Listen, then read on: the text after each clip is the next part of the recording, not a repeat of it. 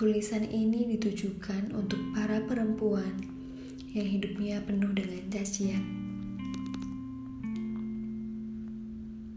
Kau tahu mengapa dia keras kepala?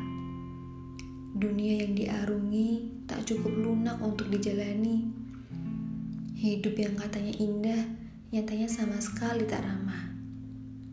Para pahlawan itu hanya pencitraan. Dia tak butuh sandaran, apalagi pujian. Ibunya menasehatinya, Duk, jadi perempuan itu harus serba bisa. Kau harus tetap berdiri meskipun terluka, harus bersuara meskipun terbata. Dunia ini bukan surga, lebih mirip neraka kedua, begitu katanya. Lantas, mengapa Anda masih bertanya? Bagaimana mungkin dia bisa berleha-leha? Perempuan kecil yang tumbuh dewasa punya banyak beban di pundaknya.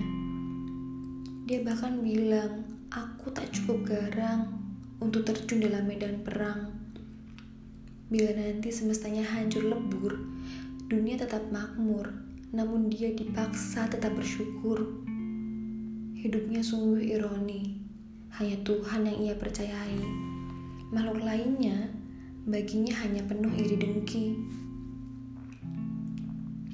Dia bahkan tak takut mati. Cukup berani untuk membunuh diri sendiri. Tak gentar akan tajamnya tusukan belati. Apalagi jika hanya kau takuti dengan benaspati. Pada akhirnya, Ku harap dia bahagia, walaupun hanya bisa tersenyum di alam baka. Surakarta, 17 Maret 2021 Ditulis oleh perempuan nomor satu di hati ibu